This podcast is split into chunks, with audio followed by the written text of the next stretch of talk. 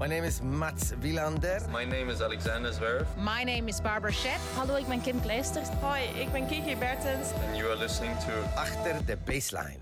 Nou, die gaan we nog wel eens uh, terugzien in een top 5 lijstje. Oh, ho, ho, wat een super dropshot. Absolute waanzin. Roger Federer wil dit punt precies zoals hij het wilde. Dit is Achter de Baseline. Vanuit Wimbledon. Met Abe Kuil en David Avakian. Het was een finale voor de eeuwigheid. De langste Wimbledon finale ooit gespeeld. En het einde, dat ging zo. Novak Djokovic wint de wedstrijd van zijn leven. Hij verdedigt zijn Wimbledon titel op ongekende wijze. In een wedstrijd die nooit meer wordt vergeten in de tennisgeschiedenis. Het ging allemaal over de rematch van Federer Nadal 2008. Maar Novak Djokovic, de heerser in het mannentennis, bewijst weer waarom hij de beste is. Hij is mentaal te sterk voor Federer op de allerbelangrijkste punten. Overleeft de matchpoints op de service van Federer. Alle statistieken spreken in het nadeel van Djokovic. Maar waar het om gaat in een Wimbledon finale, dat zijn geen cijfers. Maar dat is het hoofd. En het hoofd van Djokovic heeft het vandaag gewonnen. Ja, prachtige samenvatting, Abe. Het, klopt precies wat je zegt. Jij hebt het vanaf achter de microfoon, uh, zoals we konden horen, uh, gevolgd. Ik vanuit het stadion. En om te beginnen, het was een, een waanzinnige ervaring om daar deel van uit te, te mogen maken. De, sfeer in het stadion was elektrisch, zoals dat uh, in het buitenland of in het Engels vaak gezegd wordt. En wat een opmerkelijke finale ook. Novak Djokovic ja, wint zijn 16e Grand Slam titel hier op Wimbledon. Vijfde Wimbledon titel in totaal verdedigt zijn titel. En wat is dat toch een beest, tussen zijn oren. En het is, het, is, het is niet normaal. Je hebt het, zoals je het aangaf qua tennis, qua statistieken, letterlijk in, op alle fronten was Federer vandaag beter. Behalve op de belangrijke momenten in de drie, drie tiebreaks. En dan, ja, dan kunnen al die statistieken kunnen de prullenbak in. Dit de is een... gewoon de wedstrijd geweest. Sorry dat je onderbreekt. Dit, dit is de wedstrijd om Novak Djokovic te typeren. Nou ja, ja, absoluut. En, want jij hebt het nu over die mentale kracht, hè, met name die onverzettelijkheid van Djokovic. En ja, zeker wat jij zegt, Novak Djokovic net in de persconferentie. Dit was mentaal gezien de belangrijkste en moeilijkste wedstrijd in mijn leven. Fysiek was het die Australian Open finale tegen Nadal. Maar mentaal was dit voor mij de grootste uitdaging ooit. En ik ben daar ja, ongelooflijk goed doorheen gekomen. Ik had me voorgenomen om kalm te zijn. Composed, in het Engels zei hij dat. Want dat konden we ook zien, hè? want Djokovic die schiet uh, vaak uh, alle kanten op natuurlijk. Emotioneel gaat schreeuwen en dat soort dingen. Dat was allemaal niet, niet van toepassing. Vandaag één momentje aan het einde dat hij, uh, dat hij nog een waarschuwing kreeg. Maar hij was geconcentreerd. Speelde misschien niet op alle momenten zijn beste tennis. Maar weet dan toch op een of andere manier op, op die drie momenten dat het telt speelt hij wel gewoon zijn beste tennis. En, en dan, dan sleept hij dit toch eruit. En om nog even terug te grijpen op die statistieken. Er is één statistiek waarin Djokovic wel uh, aanzienlijk beter scoorde dan Federer. En dat was het aantal matchpoints gewonnen. Djokovic 1, Federer 0. Ja, ja, ja, ja. ja. Um, even inhaken op wat jij daar zegt. De reactie van Djokovic. Um, waarom was dit voor hem mentaal de zwaarste wedstrijd? Heeft hij, daar heeft hij ongetwijfeld verder uitleg over gegeven. Nou, hij heeft allerlei aspecten heeft hij, uh, natuurlijk uh, besproken. Wimbledon, Federer. Ik wist dat hij goed stond te spelen. Ik wist en ik had me van tevoren voorbereid op het feit hoe deze wedstrijd en hoe het in het stadion zal zijn. Ik wist dat het hele stadion achter hem gaat staan. En dat kan ik als iemand die ja, in het publiek zat, kan ik bevestigen dat het weer 80 om 20 procent was qua aanhang. Iedereen wilde dat Federer won hij wist dat. En hij ging er nog op, op door. En iets heel belangrijks en iets heel grappigs eigenlijk wat hij daarover zei. Hij zegt, ja, eerlijk is eerlijk. Ik, ik heb mezelf aangeleerd. En we kennen Djokovic natuurlijk als iemand die, die spiritueel en mentaal allerlei oefeningen doet. En altijd probeert om, om bepaalde hoogtes uh, te bereiken die niemand anders uh, weet te bereiken. Hij zei, ik, wat ik kan en wat ik heb geleerd, zeker na al die ontmoetingen met Federer, is als het hele stadion Let's go Roger, let's go Roger roept dat in mijn hoofd vertalen naar Let's Go Novak, Let's Go Novak. Ik hoor Novak, Novak. Heeft hij dat nu net gezegd? Dat heeft hij ik nu net dit- gezegd. Oh, Ja, Oké, dat heeft hij in het verleden ook al een keer gezegd namelijk. Ja, nou ja, ja, dat. Dat, bevestigde, of dat herhaalde hij eh, nu weer. Dus dat is, dat is eh, ja, enerzijds wel grappig. Hij moest er zelf ook wel een beetje om, eh om grinniken. Maar ja, het was dus om al die verschillende aspecten. De tegenstander, de plek, Wimbledon, het gras, het spel van Federer, de vorm van Federer ook. Alles bij elkaar genomen eh, om dat te kunnen pareren op de manier waarop hij dat deed. Ook gewoon speltechnisch gezien. Hij zei, ik kon totaal niet lezen vandaag eh, waar, waar Federer heen serveerde. Ik had echt heel veel moeite met zijn service. En dat konden we ook zien omdat hij pas in de vierde set zijn eerste breakpoint creëerde. Ehm, maar ja, het, niks, niks haalde hem eigenlijk uit zijn, eh, ja, ja, uit, uit zijn eigen overtuiging dat hij deze wedstrijd kan winnen. David, ik wil even uitzoomen, want ehm, je hebt het net al gezegd. Ik heb het commentaar eh, dus gedaan bij deze wedstrijd. We dat fragment van het matchpoint dat Djokovic wist te winnen. Ja, kijk, ik zit daar natuurlijk ook met het kippenvel dat om de paar seconden bijna uitbreekt. Het verslag te doen van die wedstrijd. Want je kijkt naar iets wat natuurlijk zo historisch is. Nou ja, puur zakelijk bekeken. Dit was de eerste wedstrijd in het enkelspel die naar 12-12 ging. Die nieuwe regel met de beslissende tiebreak. Dat was al historisch, maar los daarvan natuurlijk eh, het, hele verhaal van deze partij. We hebben de, de, de geschiedenis die op het spel stond. Hè. Zou Federer naar 21-15 gaan? Of werd het toch 20-16 Djokovic die terugkwam? Ik heb de hele geweldige sfeer meegemaakt, ook via een tv-scherm. Jij was daarbij. Omschrijf eens hoe die ervaring was. Want het is natuurlijk ook echt uniek geweest dat jij zoiets gewoon live hebt meegemaakt in het stadion. Nee, absoluut. En ik heb in het... vorig jaar heb ik ook... eh, ja, wat was het? eh, toen Nadal, Del Potro zat ik bij, wat een ontzettend goede wedstrijd was. En, maar dit is natuurlijk een finale. En ja, ik moet... Kijk, een wedstrijd waarin Federer onderdeel is... Of je, het nou, of je nou fan bent van hem, of je geen fan bent van hem... Het publiek is anders, reageert anders. En de aanhang die die man heeft, is, is, is niet normaal. Maar oorzuizingen krijg je ervan. Het is, als hij een winnaar slaat, elke keer als er in een rally eh, ook maar iets gebeurt... Kijk, iedereen kent Federer natuurlijk als de aanvallende speler. Maar als hij in een rally een keer een bal in plaats van eh 50 centimeter over het net 1 meter over het net slaat... dan hoor je dus tijdens de rally het hele publiek opveren van... oh, wat gebeurt, dit is een, opvallende... er gebeurt iets. Uh, dus ik, ik kan... Ik weet niet, misschien als er een andere speler in deze finale had gestaan en hetzelfde had hè, gedaan, 12-12, vijfde set. Ik weet niet of het dezelfde ervaring was geweest. Want je zit, je zit echt in een, in een kolkende arena met mensen die links en rechts, journalisten naast me, die, uh, die, die, ja, die springen op. En die, die kunnen ook niet verbergen uh, voor wie ze zijn. En, en mensen die niet naar het toilet kunnen en dus heen en weer zitten te springen. Die, ik wil geen, geen bal missen van deze wedstrijd. En, en, en fans die zichzelf op de, op de hoofd slaan en brullen. En het, het is één grote, één grote chaos. En mensen zie je gewoon rondom je de beheersing over zichzelf verliezen. Dat zijn gewoon volwassen mensen die niet weten waar ze mee bezig zijn. En allerlei rare bewegingen en geluiden maken. En dat kan, kan zoiets dus teweeg brengen. Uh, ja, goed, ik kan er nog, uh, nog, nog lang over doorgaan. Maar het, het is uh, een unieke ervaring. En ja, ik, ik ben gelukkig mens, denk ik, dat ik hierbij heb kunnen zijn. Ja, kijk, ik, ik, ik ga dan ook zelf een beetje terugdenken aan de momenten dat ik ook live in, uh, in, in zulke stadions heb gezeten. En goed, dan kom ik altijd terug bij de Australian Open 2009 met uh, Nadal Verdasco, vijf uur, 14 minuten, ook tot in de nacht. Dat, dat het ene waanzinnige punt na het andere. Uh, de finale daar Nadal Federer ook dat jaar, dat is, ja, het zijn momenten die je natuurlijk gewoon nooit meer van je leven vergeet. En deze wedstrijd aan zich zal nooit worden vergeten, want ja, het is om zoveel redenen dus een onvergetelijke partij geweest. Dan weer even terug naar de statistieken, David. Want om ze maar even te benoemen. We hebben gezegd, alles spreekt in het voordeel van Federer. Ik ga het rijtje gewoon af. Want het staat bovenaan Aces. 25-10 voor Federer. Dubbele fouten, 9 voor Djokovic, 6 voor Federer. Dus dat is ook in zijn voordeel. Eerste servicepercentage, 63% om 62%. Winstpercentage op de eerste en tweede service beter voor Federer. Net punten gewonnen, beter voor Federer in zowel percentage als aantal punten gewonnen aan het net.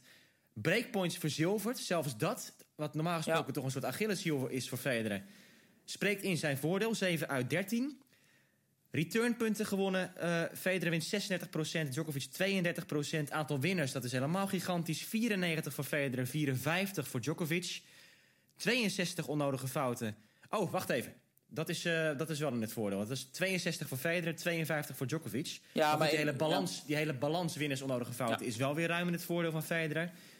Aantal punten gewonnen, 218 voor Federer en 204 voor Djokovic. En goed, er is één statistiek die hier ook niet bij staat. En dat is het aantal challenges. Misschien dat Djokovic dat ook beter heeft gedaan dan, dan Federer, maar dat weet ik ook mhm. niet eens zeker. Ehm, en dan heb je dus het hele rijtje. En goed, die statistieken die heb ik de hele wedstrijd ook bij de hand. En ik zie dat dus allemaal gebeuren. En dan moet ik terugdenken aan 2015, toen Djokovic uh, in de finale tegen Stan Wawrinka speelde op Roland Garros. En toen stond Djokovic ook voor. En toen zag je ook al die statistieken voor Wawrinka uitspreken. En toen dacht je ook van ja, maar Djokovic kan deze wedstrijd helemaal niet gaan winnen. Want Wawrinka is eigenlijk gewoon beter. Nou, toen won Wawrinka dus ook daadwerkelijk van Djokovic in die finale.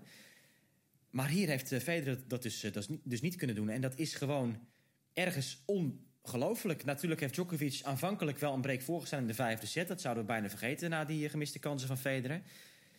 Maar ja, het is uh, ja, een tennismirakel bijna, deze ontsnapping van Novak Djokovic. Ja, want je hebt natuurlijk wel vaker dat de, de speler die verliest... misschien een punt of twee meer heeft gewonnen dan uiteindelijk een winnaar. Maar nu eh, daadwerkelijk op bijna alle fronten dus dat Federer uh, in het voordeel is in die statistieken. Ja, je kan, het is bijna het failliet van de statistiek deze wedstrijd, uh, kan je bijna nou, zeggen. En wat natuurlijk ook heel grappig is aan het spelbeeld sowieso. Um, we hadden misschien wel zo'n soort scoreverloop kunnen bedenken.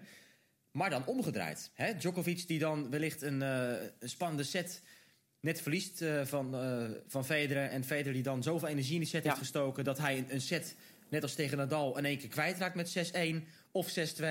Ja, um, Federer op gras, drie tiebreaks in één wedstrijd verliezen. Is, het is toch een, een, een vreemde ja, maar die, die, hele, die hele matchmanagement, die hele energiemanagement...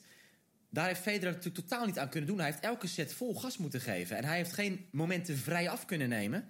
Zoals tegen Nadal gebeurde natuurlijk. Toen hij die openingsset had gewonnen, de tweede set break achterkwam... en even dacht van oké, ik ga me sparen voor wat komen gaat. Hij heeft elke set maximaal moeten geven hier. Heeft dat vijf uur lang volgehouden... Ja, en dat is natuurlijk ook een complete waanzin bijna. Dat, dat dat nog in hem zat. En met die partij tegen Nadal van twee dagen geleden daar ook nog eens bij, uh, bij meegenomen. Ja, het was ontzettend indrukwekkend. Want ik, ik, ik, misschien dat het op tv anders is hoor. Dat je meer dingen kan opvangen qua gezichtsuitdrukkingen en qua, qua uh, ademhaling en dat soort dingen. Maar vanaf mijn positie had ik geen moment de indruk dat, uh, dat Federer uitgeput was. Volgens mij was hij tot het laatste moment was hij echt gewoon goed op zijn benen. En een voorbeeld wat natuurlijk heel zwaar is in de tennis is om, uh, om, om, keer op keer in dezelfde rally voorhand langs de lijn, backhand langs de lijn, gewoon meerdere keren gebeurde dat. Dat Federer ervoor koos om in een rally dus zichzelf extra meters te laten lopen. Om daarmee uh, grotere kansen uh, om, om, Djokovic uit te spelen. Maar dat kost ontzettend veel energie. En hij bleef het tot diep in die vijfde set bleef hij dat soort, uh, ja, dat soort rallies aangaan. Um, dus, dus dat was sowieso ook erg, erg indrukwekkend.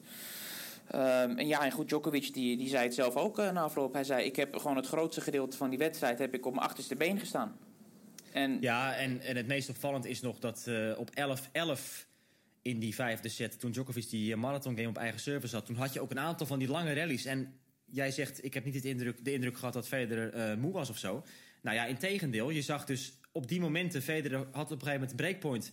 Hij ging echt een beetje staan springen, zo van oké, okay, daar komt het breakpoint aan. En Djokovic zag je aan de andere kant, die, die zat nog naar adem te happen. Ja. het lange punt wat uh, was gespeeld. En het was dus weer zo'n ervaring, wat we net als tegen Nadal hebben gezien.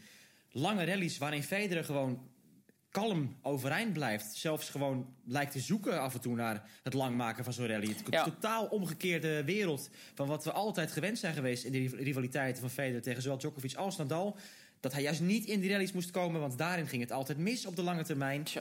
En, en nu dacht je gewoon aan het eind ook... je ziet zo'n rally ontstaan en je denkt... ja, maar dit is voor Djokovic helemaal niet goed. Want hij gaat hier gewoon ergens een fout maken... of hij wordt hier uitgespeeld. Ja. Um, het, is, het was zo'n... Um, ja, een, een, mindfuck gewoon daarin. Dat is echt... Ja, uh, omgekeerde wereld heel vaak. Ook, heel raar. ook in die zin. En ook wat we al eerder aankaarten uh, met die breakpoints. Dat Federer daar zo, uh, zo best meelogeloos op was. Um, ja, uh, goed, het ging uiteindelijk dus om een aantal punten. En, en, en Djokovic erkende ook, uh, I could have easily lost, zei hij. Goed, dat spreekt voor zich als je twee matchpoints uh, tegen hebt natuurlijk. 14, 15, ja. Ja, en ja, goed, als we dan ook weer een, een, stapje terug doen. En het verleden van die twee. Kijk, Federer heeft op de US Open ook twee keer natuurlijk zo'n moment gehad... dat hij in halve finales destijds, 2010, 2011 dat hij uh, op twee matchpoints, stond, uh, twee matchpoints stond om naar de finale te gaan. Dat Djokovic daar ook uitkomt en nu ook weer twee op de service. Ja, daar wil, ik, daar wil ik even op doorgaan. Want ik heb er ook iets over gezegd in mijn commentaar toen hij die matchpoints uh, overleefde. ehm, gelijk ook een beetje de vraag geopperd van... zou dat nou dan toch nog een rol spelen? Hè, het is weliswaar acht jaar geleden, maar ergens kan ik me voorstellen... dat dat toch ergens nog weer, weer opspeelde ook. Nou goed, we kunnen kijken wat er gebeurde natuurlijk op die matchpoints hè, van, uh, van Federer zelf. Eerste, uh, ik kan me niet meer herinneren of hij uh, op beide punten een eerste service had, maar op één van de twee in ieder geval wel. naar de eerste miste hij gewoon een voorhand. Hè. Hij ging voor, de, voor, de snelle, voor het snelle punt op dat moment. Misschien was het ook een mooi moment geweest trouwens om eens voor de lange rally te kiezen, achteraf gezien. maar ja, dat tweede punt, daar zal ik toch nog even over, over nadenken. Want hij sloeg een approach ja, goed, je zit dan al op in de voorwaartse beweging. Dus het is moeilijk om gas uh, terug te nemen en weer naar achteren te lopen. Maar die approach was gewoon niet goed genoeg. En Djokovic kon een, een, een redelijk eenvoudige voorhand uh, kort cross passing slaan. Um, en dat was het voor de matchpoints. En het is vooral zo opvallend omdat Federer zo overtuigend naar die 40-15 toe ging. Hè? Twee aces op rij, ja. twee servicewinners ja. op rij vanaf 15 gelijk. Het ja. was even pam pam en, uh, en, en, daar waren de wedstrijdpunten. Ja. En, en, en vier, vier, punten op rij toen naar, uh, naar Djokovic. En het werden er zeven, want het werd tegelijk 40-0 in de game daarna ook. Uh, op 9, wat, uh, op 8-8.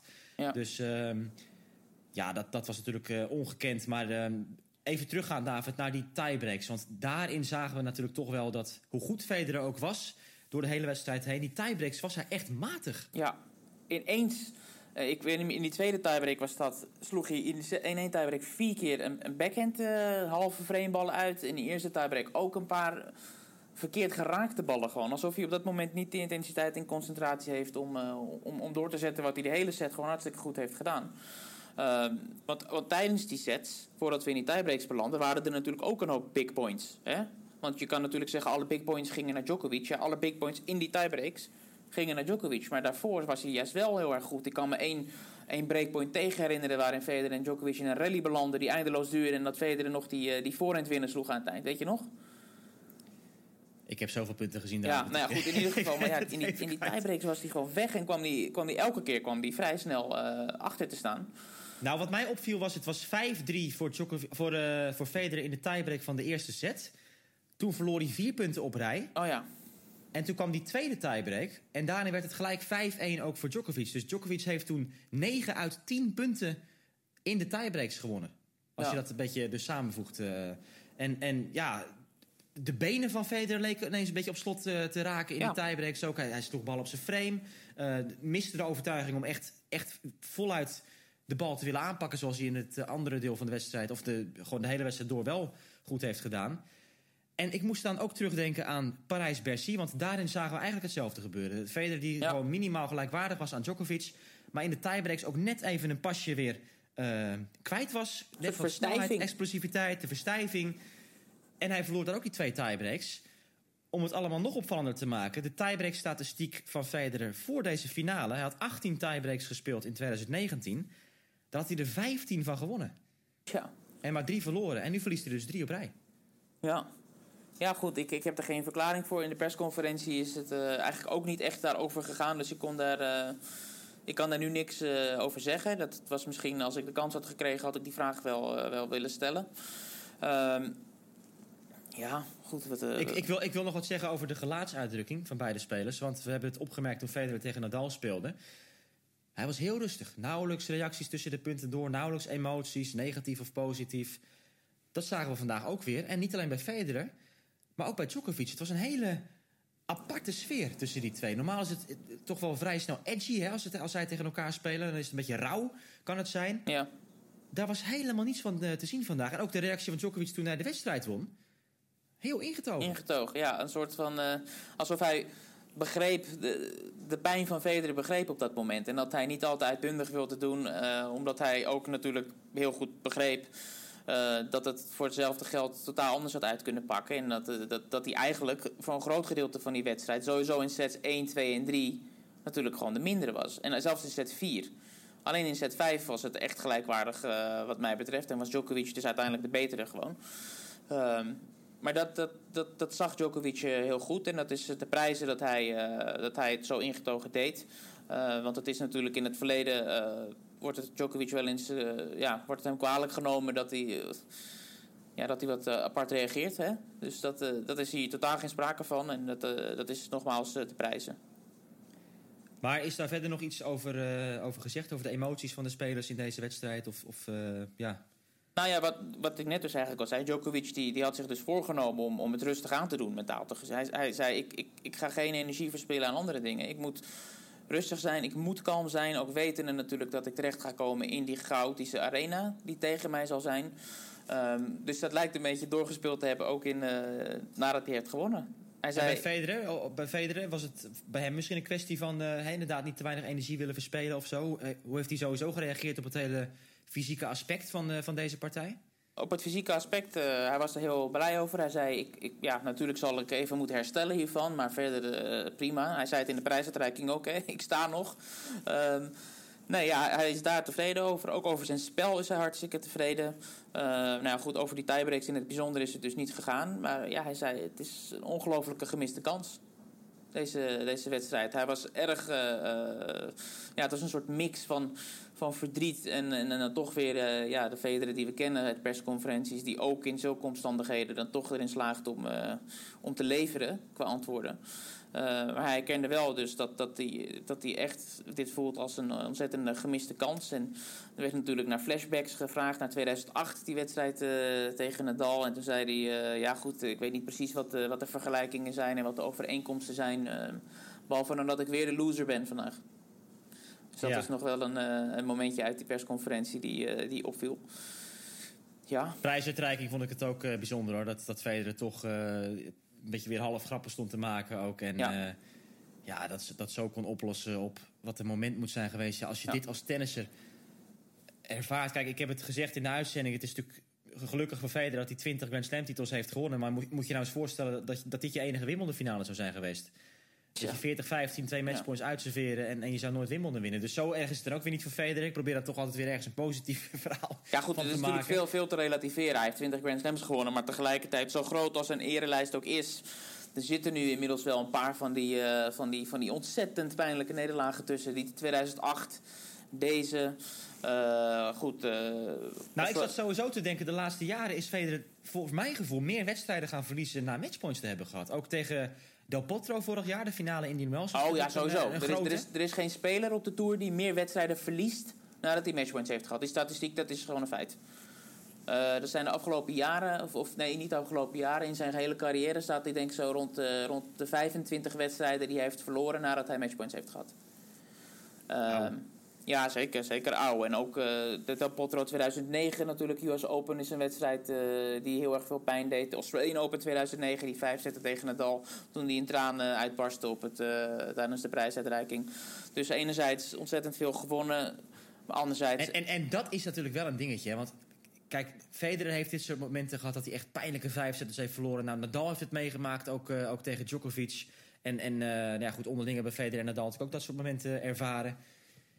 Maar Djokovic die wint die wedstrijden gewoon altijd. Ja, goed, Djokovic ik heb, is, ik, heb nu even, ik heb nu even niet een moment in mijn hoofd zitten... dat Djokovic aan, aan zo, in zo'n partij dan uh, op, op zo'n zure wijze verliest. Ja, vandaag was wel echt natuurlijk next level en extreem. Maar Djokovic trekt die partijen er gewoon altijd uit. Nee, ja, Djokovic is, is gewoon mentaal de sterkste speler die ooit misschien wel. Ja, want het wordt vaak over Nadal natuurlijk gezegd. En dat, dat heeft misschien meer te maken met punt in, punt uit vol gas kunnen ja. geven. Maar als je het echt, zeker de laatste jaren, bekijkt... Als puntje bij paaltje komt, hè?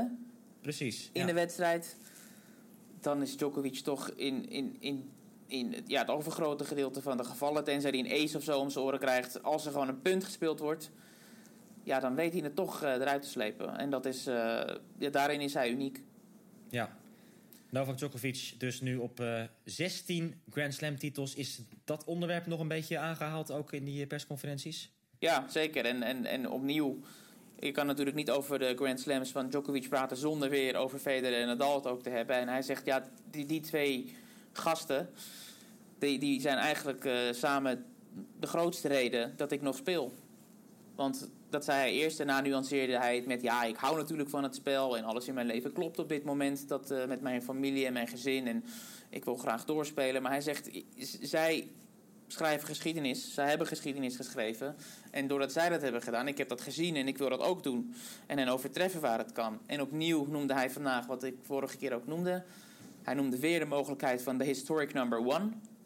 Zei hij. Dus uh, dat is ook iets waar hij echt op jaagt uh, de meeste weken op, uh, op de nummer 1 positie. Dus, ja, daar, daarvoor moet hij nog iets minder dan een jaar nummer 1 zijn. Ja. Ik heb het niet exact voor me staan. Precies, dat, ongeveer een jaar is dat. Dus dat is precies. hartstikke... ja, dat is gewoon... Ik, ik zie het eerder wel dan niet gebeuren op dit moment. Ja, dat kan je wel zeggen, ja. Um, ja, dus, dus, dus ja, goed, we hebben het al vaker gezegd. Die, die drie spelers die, die inspireren elkaar uh, ontzettend. En Federer werd nog geconfronteerd met, uh, met dat, dat, dat, Djokovic toch jarenlang een beetje de, de nummer drie is geweest. En ja, Federer zei, ja goed, uh, dat is al een tijdje niet meer zo hoor, dat, dat hij de nummer drie is. Dat, we weten natuurlijk allemaal waar Djokovic toe in staat is en dat laat hij, hij zien. En wij hebben natuurlijk ook al gezegd dat de afgelopen tien jaar, het laatste decennium is gewoon het decennium van Djokovic.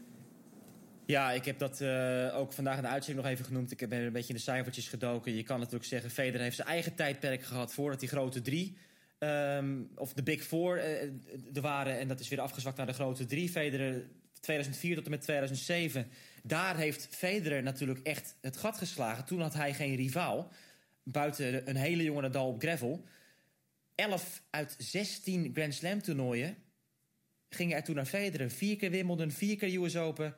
Drie keer Australian Open van 2004 tot en met 2007 dus. Dus dat is eigenlijk het Roger Federer tijdperk. Ja, en als we dan kijken vanaf 2008... dan zien we 15 Grand Slam titels voor uh, Novak... Of 16 Grand Slam titels nu voor Novak Djokovic. 15 voor Nadal. 8 voor Federer. En dan is dus de conclusie... ja, sinds dat tijdperk goed en wel van de grond is gekomen... is Djokovic de man. En dat is al 11 jaar in principe zo. Ja, ja, zeker. Goed.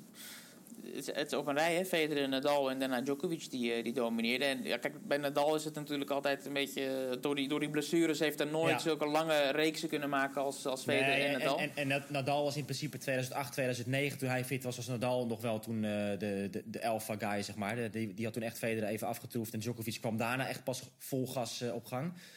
2010, 2011 ging dat echt los. Ja. Maar goed, als we dat dus op één hoop gooien vanaf 2008... staat Djokovic nu op nummer ja. 1 qua Grand Slam titels. En dan hebben we het over een periode van 11 jaar. Ja, en goed, hij zei het ook tijdens de prijsuitreiking Djokovic... dat hij ook inspiratie haalt uit uh, wat Federer nog op 37-jarige leeftijd doet. En er is ook totaal ja, Ik vond het wel een beetje pijnlijk overkomen. Hij deed dat niet bewust. Dat was op de baan al natuurlijk. Hè? Dat... Uh... Wat ja. was die vraag nou van uh, Federer? Van ja, ik, ik laat zien van, dat, dat mensen op een 37e nog steeds wel wat kunnen ja. doen. Ik hoop mensen te kunnen inspireren. En Djokovic reageerde dan gelijk erop van... Ja, Roger, je inspireert mij. Ja, wat, ik denk, toch... dat is natuurlijk voor Roger eigenlijk niet, niet echt een leuke... Nou, daarvoor was ook nog een pijnlijke opmerking... waarop hij zei dat hij nog eens eventjes benoemde... dat hij twee matchpoints niet had gepakt. Ja, ja, ja. ja, ja. dus dat, al met al, ik, ik weet niet wat ik zag op de beeldschermen in het stadion... Federer deed het natuurlijk ontzettend goed, kon nog wat grappen maken... maar hij was niet... Uh, hij was vrij zuur. Ja, maar kom op, hé, dit is nogmaals... Het is, ja, nee, natuurlijk, je, je begrijpelijk. Je helemaal gek als je dit meemaakt. Begrijpelijk, ja. En, op gras 40-15 eigen service, ja. Op gras 40-15 en natuurlijk ook wat we al eerder aangaven, al die eerdere wedstrijden. En, en kijk, als we ook dan een beetje kijken naar hoe, hoe de dynamiek tussen die, die grote drie is. Kijk, Federer en Nadal heeft toch... Kijk, Federer spreekt altijd met ontzettend veel, veel respect over Nadal. En hij weet de kwetsbare, de kwetsbare, hoe kwetsbaar hij is geweest tegen Nadal. En dat, dat, dat ziet hij en dat respecteert hij. Bij Djokovic is het toch altijd meer een beetje het gevoel van... als ik goed speel, hoor ik gewoon te winnen. Hè? En dat uh, qua tennis. En op zich kunnen we dat ook wel vaststellen... dat, dat Federer de, de betere tennisser misschien wel is... Maar ja, ja het, het, nu ga je op glad ijs bevinden, is David. Dat, uh, dat, dat ben ik op zich niet... Uh... Nee, maar ook vandaag was Federer toch de betere tennisser? Ja, maar dat wilde ik net nog gaan zeggen ook. In feite, Djokovic... Kijk, wat is gebeurd vandaag is wat we van tevoren hadden aangegeven. Als Federer een kans wilde maken in deze finale... dan moest Djokovic, net als Nadal twee dagen terug... zelf niet top spelen. Nou, het feit is gewoon, Djokovic heeft vandaag niet top gespeeld. Alleen in de tiebreaks heeft hij kunnen pieken. Hij slaat 52 nodige fouten, 54 winners. Het niveau gemiddeld genomen door de wedstrijd heen... was niet echt fantastisch van Djokovic. Laten we dat wel even, even heel eerlijk zeggen. Gewoon de, punten die hij gewoon snel al unforced errors maakte in rallies en zo... dat was niet, dat was niet fantastisch. En met name zijn tweede service, eh, de returns op de tweede service was heel erg ontevreden. Daar heeft hij veel punten, punten weggegeven. Maar ja. je ziet dus dat voor een Wimbledon finale... Ja, als jij op 50-50 zit winners unforced errors dan zal je niet vaak een Wimbledon finale winnen, normaal gesproken. Dus um, dat was allemaal niet subliem van, uh, van de kant van, uh, van Novak Djokovic. kijk, de technische begaafdheid, et cetera... dan kom je weer op, op de schoonheid van het spel... en hoe het behoort uh, gespeeld te worden, uh, historisch gezien. Ja, dan, vinden mensen natuurlijk Federer vaak een, veel mooiere tennisser. Maar Djokovic is natuurlijk de tennismachine. Als hij echt uh, zijn topvorm heeft, ja, dan komt er niemand aan. En dus vind ik Djokovic, ik vind Djokovic wel de betere tennisser. Dat heeft hij wel bewezen. Uh, de laatste elf jaar nogmaals aan de statistieken gezien ook dan, uh, dan Federer. Ja, goed, het is een discussie die we denk ik uh, niet, niet moeten, vu niet moeten vu voeren nu. um, want daar kunnen we natuurlijk allerlei podcasts, een reeks podcasts misschien wel aan wijden. misschien moeten we daar een keer een poll tegenaan gooien op, op ADB podcast. Wie is de betere tennisser? En kijken wat de luisteraars ervan vinden. Um, nou ja, wij noemen net die cijfers, David, dat hij de laatste elf jaar het mannentennis heeft gedomineerd. Dus dan ben je toch de beste tennisser? Of, uh... Nou ja, maar goed, uh, Federer in, in 2006 heeft niet tegen Djokovic gespeeld. Federer, toen Federer op zijn piek was. Dat is natuurlijk een leeftijdsverschil. Als, het, als die, als die uh, carrières parallel hadden gelopen volledig... dan had je daar een betere uitspraak over kunnen doen. Ja, goed, we gaan ons daar inderdaad maar niet meer nee, te dat, diep op in, ingraven. If, if, if. Valt er nog iets te... Ja, hè? Valt er nog iets te zeggen over deze finale dat we nog niet hebben gedaan? Of uh, zijn we wel doorheen? Ik denk dat we... Het, ongetwijfeld, er is nog heel veel uh, te melden. Het was een wedstrijd van vijf uur. Uh, dus we kunnen er eindeloos over doorspreken. Maar ik denk dat we het zo wel genoemd hebben. Novak Djokovic is gewoon mentaal gezien... Ja, een krijger die we nooit eerder hebben meegemaakt in het tennis. En dat is een uh, mooi einde. Kunnen we nog wat zeggen over het toernooi, David? Wat, wat blijft, wat blijft hangen? Ja, het, feit is dus weer daar. De elfde titel op rij voor de Big Three bij de mannen. Um, het was natuurlijk een toernooi bij de mannen dat echt op gang moest komen. We hebben Nadal Kyrgios gehad in de eerste week. Verder was het een beetje ja, afwachten tot die halve finales min of meer zouden komen. Zeg ik enigszins respectloos, maar dat was toch wel een beetje de tendens natuurlijk. En die laatste dagen hebben ja, alles dan toch weer onvergetelijk gemaakt. Nee, zeker. Het was heel bijzonder ook om, om het hier natuurlijk uh, van dichtbij mee te maken. En ja, goed, het, het, ik, ik heb toch het gevoel dat ook de rest van het jaar weer uh, in handen zal zijn van die grote drie. Uh, tenzij er iets, iets heel vreemds gaat gebeuren. Maar ja, goed, ik, ik kijk al uit naar de, naar de US Open. En ja, wie weet weer deze drie inderdaad aan het einde. Nog even kort samenvatten wat er ook in de andere disciplines uh, is gebeurd. Want gisteren, toen wij de podcast aan het opnemen waren... was er een gigantische uh, mannen-dubbelspelfinale die nog werd gespeeld. En dat waren Cabal en Farah die de titel wisten winnen in vijf sets tegen Mahu en Roger Vasselin. Vandaag is de finale in het uh, vrouwendubbelspeltoernooi gespeeld. En wie heeft daar gewonnen? Jawel, Barbora Strichova... Met uh, Xie Suwei, 6-2, 6-4, daar nog uh, de titel. Dus alsnog een prachtig einde voor Barbara Strichova. De mixed dubbelfinale. Nummer 1, hè? Roy... Strichova, de dubbelspel. Ja. ja. Zij, zij, oh, sorry, ik verstond je niet. Ja. Nee, dat zei ik niet, maar dat, uh, dat, dat vul jij goed aan. Ja. Ivan Dodig en Latisha Chan hebben het mixed dubbel gewonnen van Jelena Ostapenko, ook een bekende naam. En Robert Lindstedt, dat werd 6-2, 6-3. En nou ja, goed, we hebben natuurlijk al gezegd dat... Um, Annick van Koot had gewonnen bij uh, het rolstoeltoernooi in het enkelspel. En in het dubbelspel heeft zij gewonnen samen met Diede de Groot. Dat was uh, bijna een volledig Nederlandse finale tegen Marjolein Buis en haar Italiaanse partner Capocci. 6-1, 6-1. Dus ook daar nog Nederlands succes. En dan zijn we rond, David. Dan zit Wimbledon 2019 erop.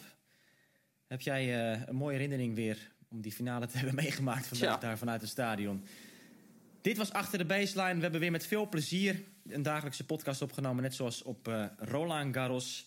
En het is de bedoeling natuurlijk dat wij binnenkort weer terug zijn met een volgende aflevering. Wanneer dat zal zijn, dat uh, wachten we nog even af. Heel veel dank aan al onze luisteraars en alle reacties die we hebben gehad. Het is echt uh, heel erg leuk, de feedback die wij bijvoorbeeld op Twitter ontvangen.